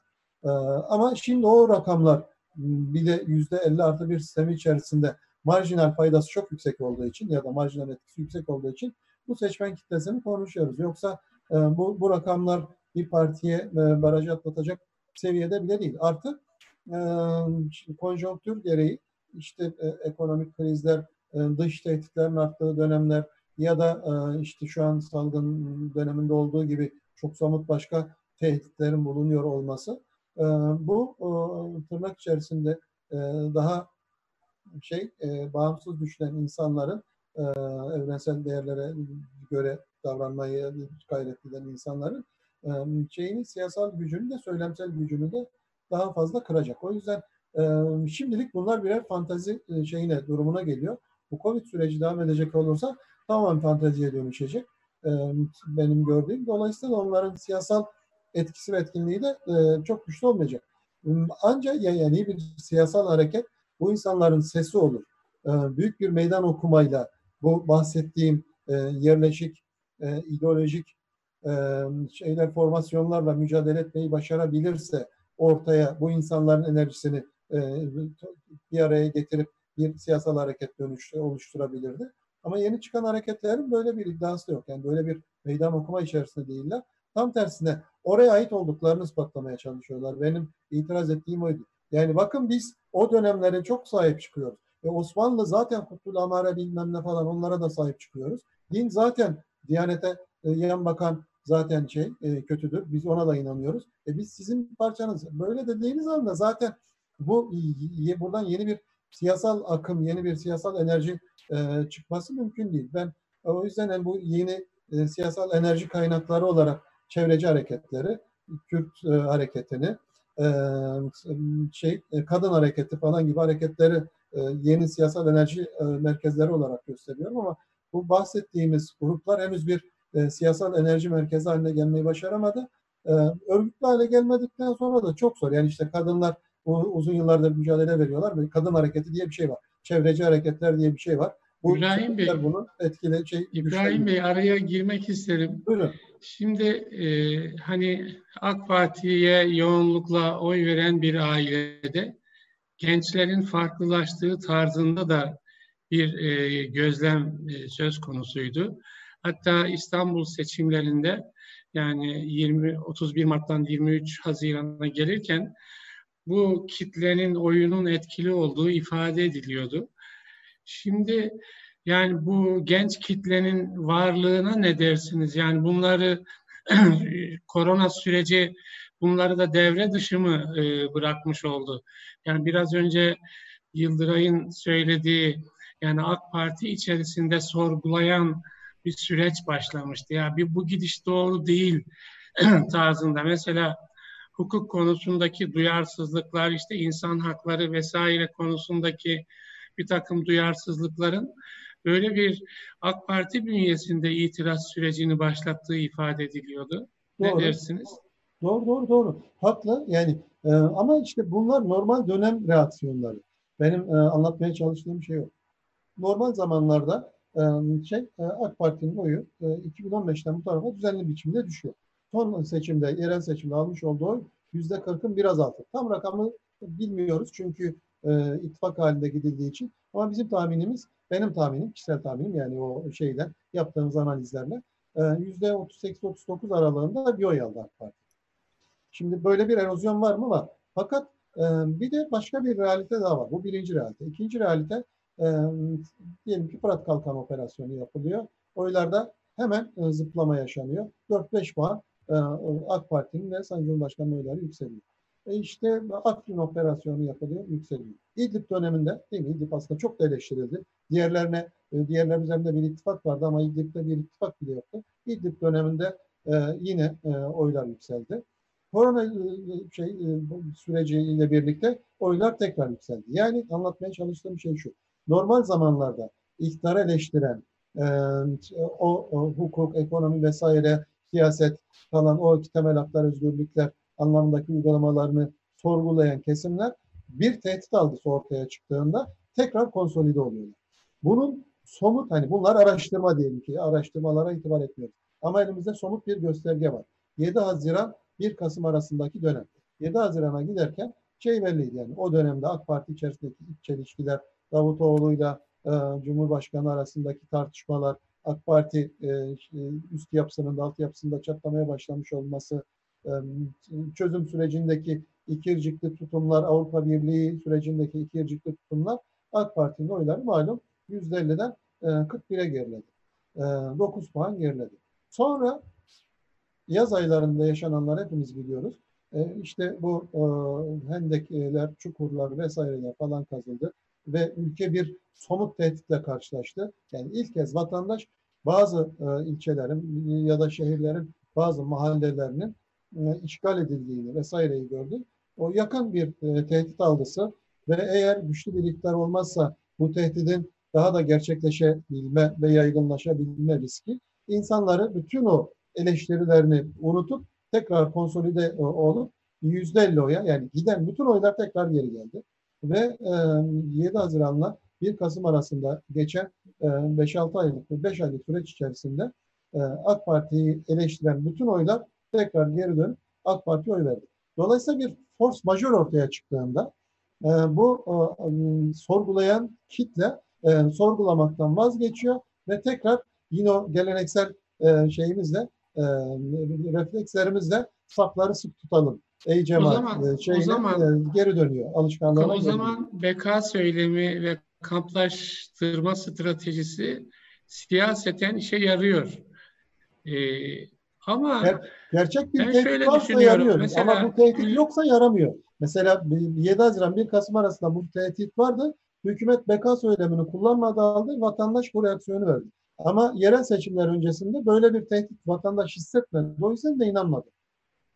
Bu kamplaştırma e, stratejisi ülkeyi yöneten kadro için yani ülkenin daha toplumla toplumsal e, iletişimin sağlanması noktasında sorun telakki edilmiyor mu? Yani böyle bir şey gözlemiyor musunuz?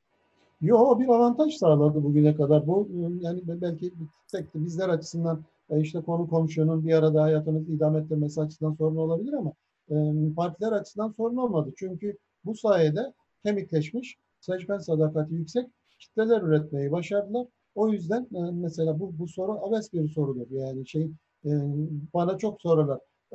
AK Parti'nin kemik oy oranı ne? Ne demek kemik oy oranı? Partiden bahsediyoruz. Yani partide kemik ne gezer falan. Ama böyle bir şey yaratıldı, yaratıldı. E, o yüzden e, siyasi partiler bundan istifade ettiler. E, Türkiye'de e, seçmen sadakati çok yüksekti. Yani e, işte bu son dönemde 2015'ten bu tarafa yaşananlarla seçmen sadakati düşmeye başladı. Şimdi sokaktaki dört kişiden birinin kendine ait hissettiği parti yok. Yani buraya bakıp e, işte ne güzel değil mi? Yani daha e, şey e, rasyonel tercih yapacak insanların sayısı arttı. E, ama sonunda dört kişiden üçünün de bir partisi var. Yani bütün yapacağınız manevra o yüzde yirmi beş etkilemeye yönelik. Öbürlerini etkileyemiyorsunuz. Bir taraftan da böyle bir realite var ortada. Ha buna yeni seçmenler etkileniyor. Onlar bu şey onların da bir partisi yok artık falan.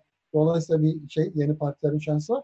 Fakat yeni partiler aslında ne kadar yeni parti o tartışmalı. Benim e, argümanım o. Yeni partilerin ne kadar yeni parti olduğuna e, yani toplum bu, partinin gerçekten yeni olduğuna karar verecek. Yani Anavatan gerçekten yeni bir partiydi o dönem için. O döneme kadar hiç kimsenin söylemediği bir iş yaptı. Geçmişle falan hesaplaşmadı ve e, geleceği nasıl yöneteceğini anlattı. Onu yaptığı ölçüde de e, vatandaşlar ilgi gördü. Şimdi yeni parti ANAP'ın ilk dönemi.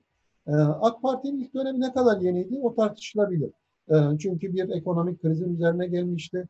E, dünyada yükselen bir trend vardı.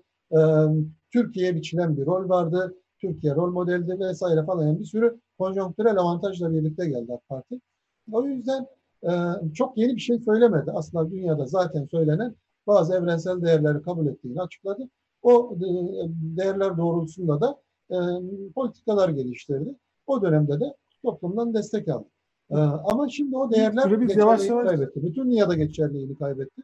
AK Parti de zaten bunu gördü ve e, dünyada şey 2008 krizinden sonra e, dünyada o liberal değerler e, etkinliğini kaybederken sağ yükselirken AK Parti de 2014 e, sonu itibariyle e, liberal söylemleri bırakıp e, sağ söylemlere geçti. Yani o anlamda da e, uluslararası trendleri takip etti. Ve e, 2015-2020 arasındaki başarısında aslında buna borçlu. Yani siyasi etik bilmem ne falan da temel haklar, özgürlükler, demokrasi açısından tartışılabilir.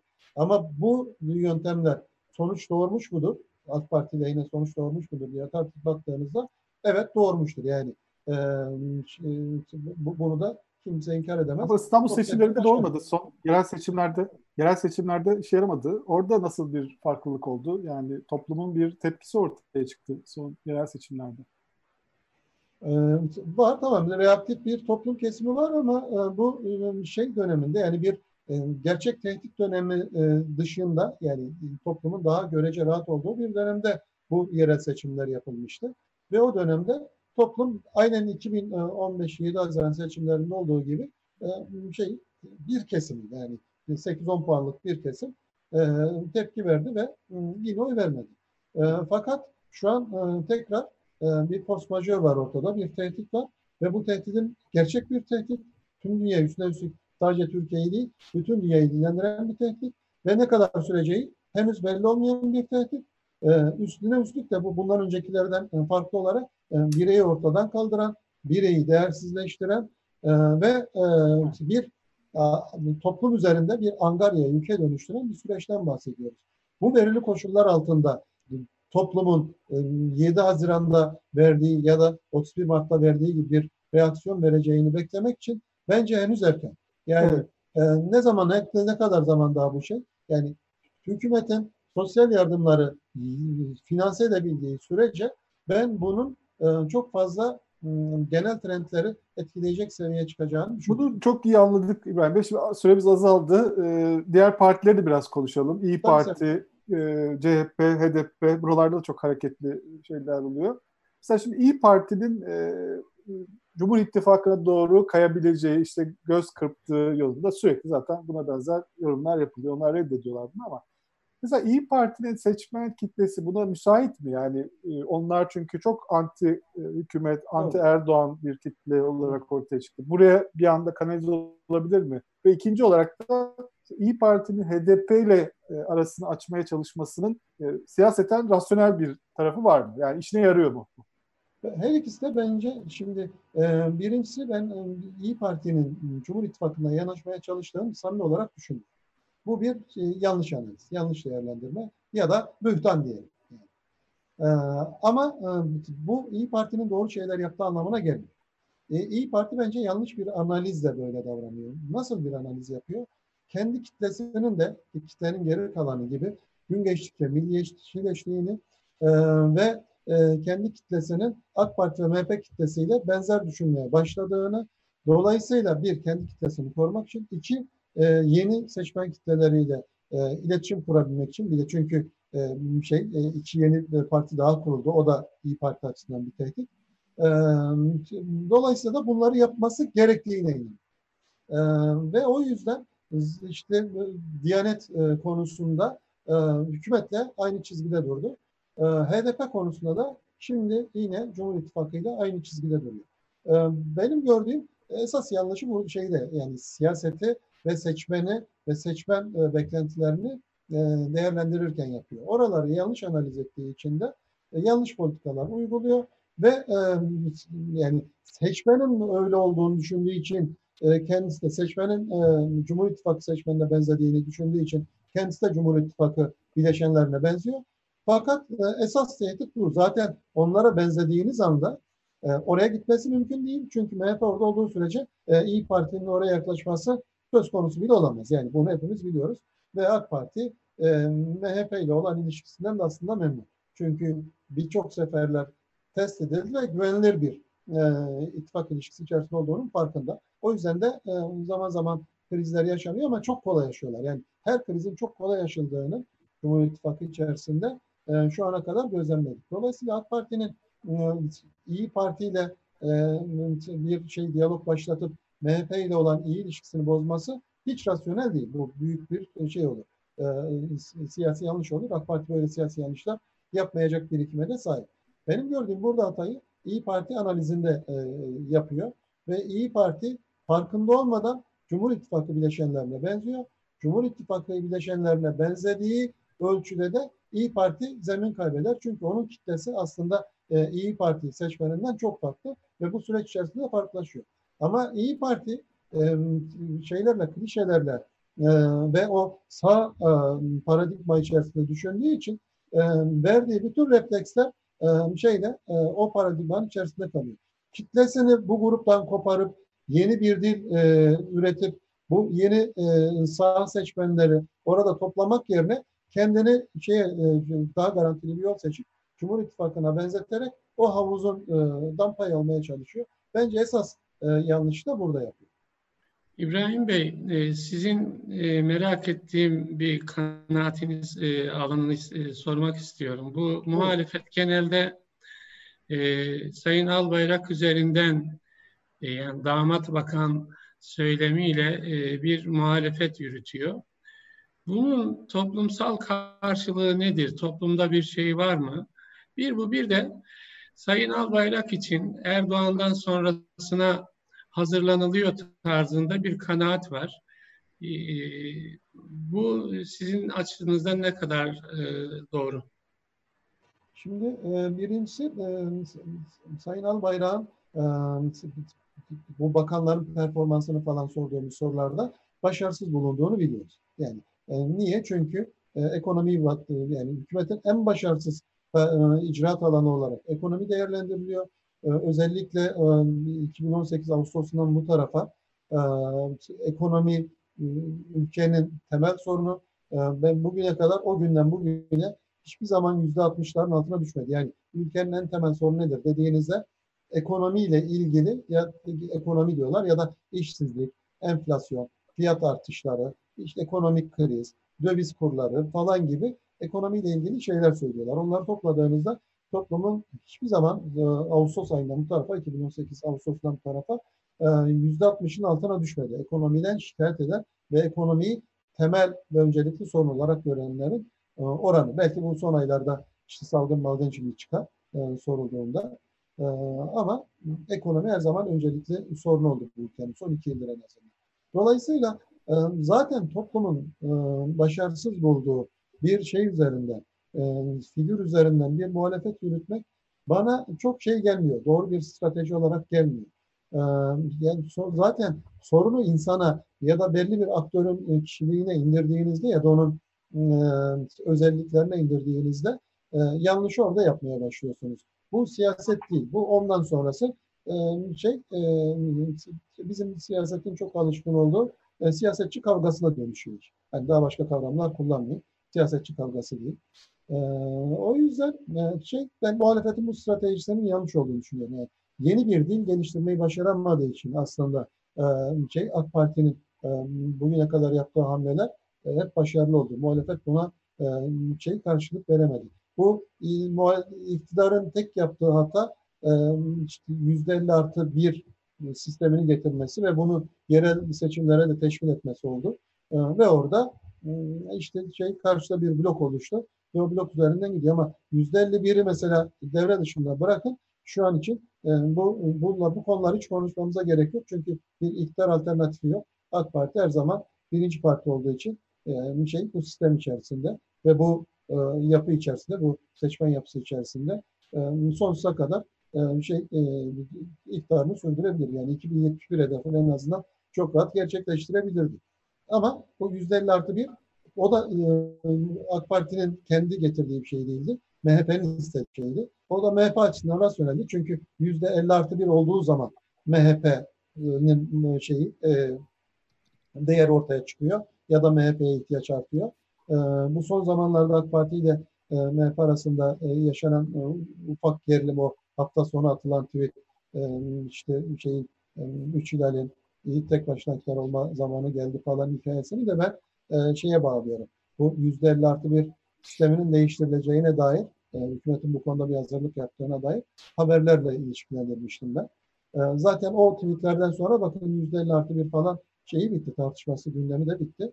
E, tamamen refakat. Dolayısıyla bu e, hükümetin e, arzu etmediği ama MHP'nin getirdiği yüzde elli artı bir sistem olmasa muhalefet kendini yeniden üretmeyi falan başaramadı. Yani muhalefetin de yaptığı çok sayıda siyasal hata söz konusu. Peki genel başkanlığı hazırlanıyor mu? Bunun e, çok dillendirilmesinin nedeni e, Sayın Bakan'ın e, bu Anadolu turlarına başlaması ve orada işte dönüşüme e, dönüşüm başlıyor. Öyle bir kavram kullanıyordu, slogan kullanıyordu. Şimdi tam sloganı hatırlayamadım. E, ama işte yani bir, bir, bir değişim başlıyor. Değişime hazır mıyız falan şeklinde bir şey slogan kullanılıyordu.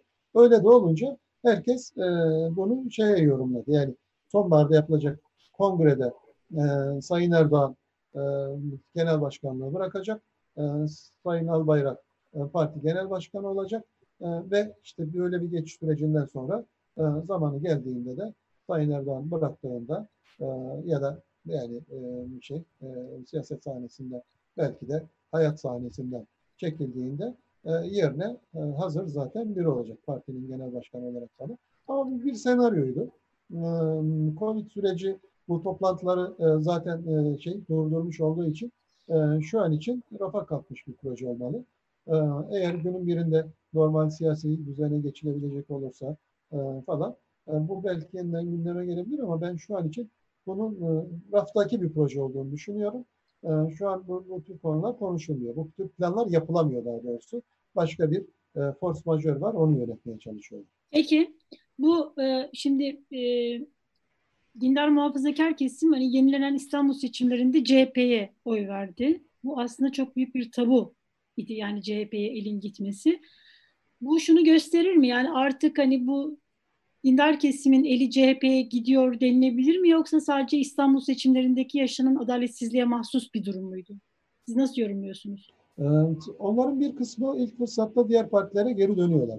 Nitekim işte şu Covid sürecinde bile onların bir kısmının tekrar AK Parti'ye ve Sayın Erdoğan'a oy vermeye başladığını gözlemledik zaten. Bir sürü araştırma da bunu gözlemledi. Dolayısıyla evet o bir tabunun yıkılması ve bir eşiğin aşılmasıydı. Benzer koşullar altında bu kitle yani sağdan sola oy verebilme şeyini reaksiyonunu göstermiş olan kitle aynı tepkiyi tekrar verebilir. Bu da doğru. Ama dedim ya ortada bir force majör var ve bundan önce yaşanmış süreçlerin dışında bir şey reaksiyon beklememiz daha doğru olur. İşte 7 Haziran 1 Kasım arasında 7 Haziran'da giden 10 puanın 1 Kasım'da aynen şey geriye gelmiş olması realitesini unutmamak lazım. O bir force majör, bir gerçek tehdit e, algısı ortaya çıktığı anda bu kitle bile yani sonunda evet bunların başka kaygıları da var. E, annelerinden babalarından e, farklı davranışlar var. Ama e, gerçek bir tehdit e, şeyin durumunda e, onlar genel kitleye e, uygun tepkiler veriyorlar. E, 1 Kasım'da bu tepkiyi verdiler. E, bu Suriye vesaire falan gibi e, konuların tamamında bu kitlenin bir kısmı yeniden e, hükümeti desteklemeye başladı. Şimdi yine bir tehdit var. Yine bu kitlenin bir kısmı e, hükümete oy vereceğini söylüyor. O yüzden bu kitle de böyle çok gemileri yakmış, kopmuş. Değil ya bir bunları yeniden üretecek bu tür bireysel tepkileri bir araya getirip buradan bir e, siyasal akım üretecek bir hareket yok ortada. Bunlar bir siyasal hareketi, bir ideolojiyi, bir ideolojik alternatifi, bir ideolojik yenilenmeyi e, temsil etmiyorlar. Tek tek insanlar bunlar. Bir şeylerden rahatsızlar, inandıkları bazı şeyler var, bir karşılaştıkları bazı şeyler var. Bireysel kızgınlıklar, bu bireysel kızgınlıkla gidip bir yere oy veriyorlar. Ama bunlar bir siyasal hareket değil. Oysa ki karşıdaki yani bin yıllık Türk İslam tarihini üzerine oturan, bunu habire yeniden yeniden üreten e, güçlü bir e, şey endoktrinasyonla bu kitleleri e, yeniden e, şekillendiren e, yeniden format atan bir şeyden bahsediyoruz. Karşına, hareketten bahsediyoruz. Bu taraftaysa tek başına bir şeylere kızgan, e, kızan ve tepkiler veren insanlar var. Ama bu insanların tepkileri organik. Kızınca gidiyorum diyor. Tehdit görünce geri geliyorum diyor. E, o yüzden de buranın bir siyasal harekete dönüşmesi gerekiyor. Yani bir siyasal enerji merkezi haline dönüşmesi gerekiyor. Onun için de partileşmesi ya da bir partinin bu hareketi alıp bu, bu potansiyeli alıp bir e, şey ideolojik formasyona dönüşülmesi lazım. Bu yok ortada. O yüzden yeni partilerin bu kitleyle ben iletişim kuramadığını ve bu enerjiden yararlanamadığını e, şey e, ısrarla söylüyorum. Bir sonraki seçimle ilgili yani bizi bekleyen işte 2023'te zaten olacak ama erken olması da konuşulan e, seçimde bir Cumhur İttifakı var sizin söylediğiniz gibi çok e, güçlü, ideolojik olarak birbirine bağlı. Bir de karşısında bir muhalefet bloğu var. Çok parçalı bir blok bu. Şimdi burada çeşitli formüller var. İşte bu muhalefet bloğu nasıl bir araya gelecek? Çünkü ikiye bölünüyor sonuçta %50 alan kazanacak seçimi. Mesela deniyor ki işte sağ ittif sağ bir blok belki kurulacak ve o sağ blok işte Saadet Partisi, İyi Parti, Gelecek Partisi, Deva Partisi'ni oluşturdu. O parti ve işte CHP ve HDP'nin olduğu blok ve iktidar bloğu arasında geçecek bu. Böyle bir formül var. Bir Abdullah Gül'ün adaylığı, aday olma girişimi tecrübesi var ki orada hem İyi Parti'den hem CHP'nin tabanından bir tepki oluşmuştu. Çünkü buna çok hazırlıklı değildi kitle. Tabanlar çok hazırlıklı olsa da tabanlar. Bu muhafazakar kitle CHP'nin bir adayına destek verir mi? Hani böyle tartışmalar var. Acaba muhafazakar bir aday CHP adayı mı? E buradaki formüllere nasıl bakıyorsunuz? Yani böyle mesela bir sağ blok e, etkili olabilir mi? Şimdi birincisi sağ blok etkili olamaz. Niye? Ee, bu işin bir matematiği var. O matematiğe baktığınız zaman bunun imkansız olduğunu görüyorsunuz. Şimdi e, şu an e, Cumhur İttifakı e, yeniden %50'ler civarına ulaştı. Bu bir ara gerilemişti. E, 45'lerin altına inmişti. Ama yeniden %50'leri buldu. E, şimdi yani daha da e, oy kaybedeceğini varsayalım. E, iki partinin toplamda işte %35-40 aralığında bir oy aldığını düşünelim. En kötü senaryodan bahsediyorum. Yani bu kadar bir süreç içerisinde daha fazla oy kaybedeceklerini yani bu e, şeyden sonra bu konsolidasyondan sonra ve bu yaşadığımız süreçten sonra ben oy kaybedeceklerini, daha fazla oy kaybedeceklerini varsaymıyorum. Yani bir gün şey bir dost sohbetinde benzer bir şey geldiğinde demiştim ki yani şeyin Cumhur İttifakı'nın ölüsü yüzde kaç alır? Karşımdaki arkadaşa sormuştum bu, bu senaryoyu anlatan. Bu düşünmeye başladı. Ben dedim ki ben tamam seni yormayayım kendim bir rakam söyleyeyim. 36. Baktı gayet iyi tamam 36. Yani niye? İşte MHP'nin bir 7-8'i havada karada olur. AK Parti'nin bir işte 27'si 28'i yani 50'den yarı, oyların yarısını kaybetse. O, olur dedi. Tamam hocam anlaştık. İyi peki abi dedim. E, CHP ve HDP'nin toplamı kaç yapıyor? Ve saymaya başladı. Aslında 37-38 yapıyor da ben onları da biraz senin için düşüneyim. 35 yapayım dedi. Tamam olur abi dedi. Topla bakalım ikisini dedi. Topladı. 71 yapıyor. Geriye ne kaldı? 30. Peki bu durumda e, ikinci tura kalabiliyor mu Sağ İttifak dedi. Kalamıyor abi dedi. O zaman niye kuracaklar dedim. Yani veya da kurarlarsa bu kime yarayacak olur sence? Ee, yani bu Cumhur İttifakı'na seçim kazandırmanın formülü olur aslında yani. Bunu murat etmezler elbette ki ama eğer bir sağ ittifak kurulacak olursa bu Cumhur İttifakı'na ikinci turda seçimi kazandırmanın formülasyonu haline dönüşebilir. Ee, ortada bir matematik var yani ne yaparsanız yapın değiştiremeyeceğiniz, bunların değiştiremeyeceğiniz seçmenler var.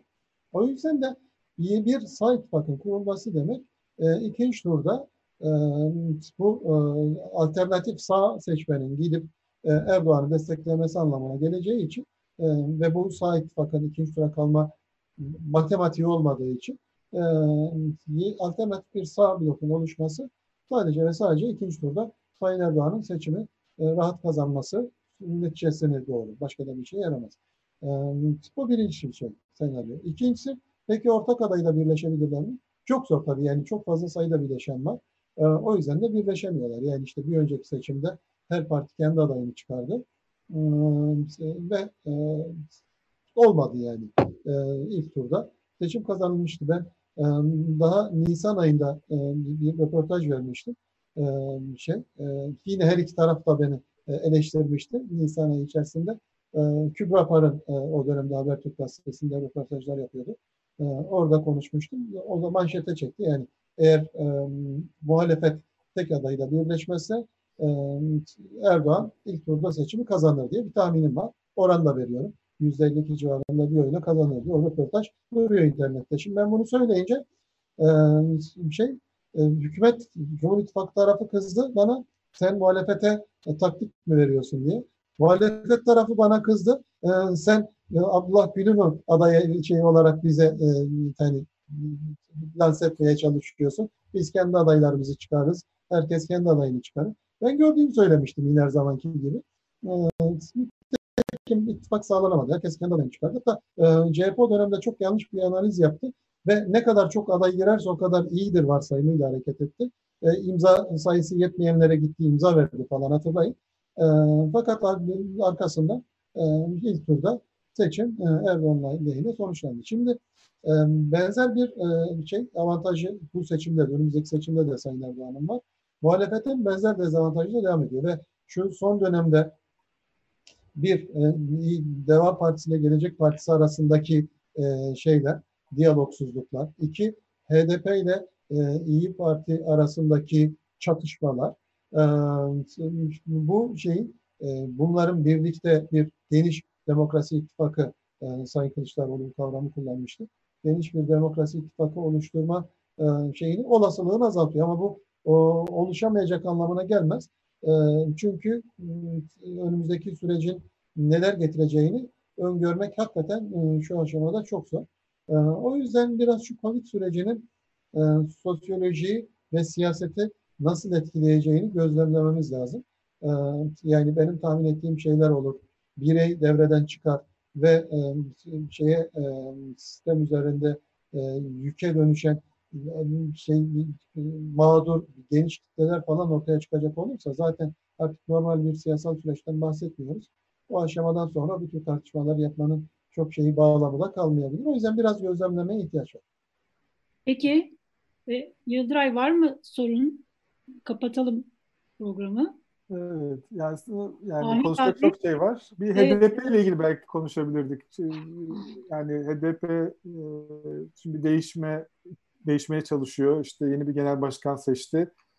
E, o, orada bir e, çözülme görüyor musunuz? Yani çünkü bir enerjisini biraz azaldı. Özellikle de bu şeyden sonra terörün tırmandığı hendek olaylarından sonra Kürtler arasında da HDP ile ilgili heyecanın azaldığı e, söyleniyor. Fakat oy oranında sanki değişim yok gibi görünüyor. Orada nasıl bir durum görüyorsunuz? Belki bir de onu son olarak konuşabiliriz. Bütün partiler HDP bağımsız bir siyasi hareket olmadığı için HDP'nin bir kere e, demografik avantajları var. Yani e, Kürt ailelerinin çocukları otomatik olarak HDP seçmeni haline geliyorlar.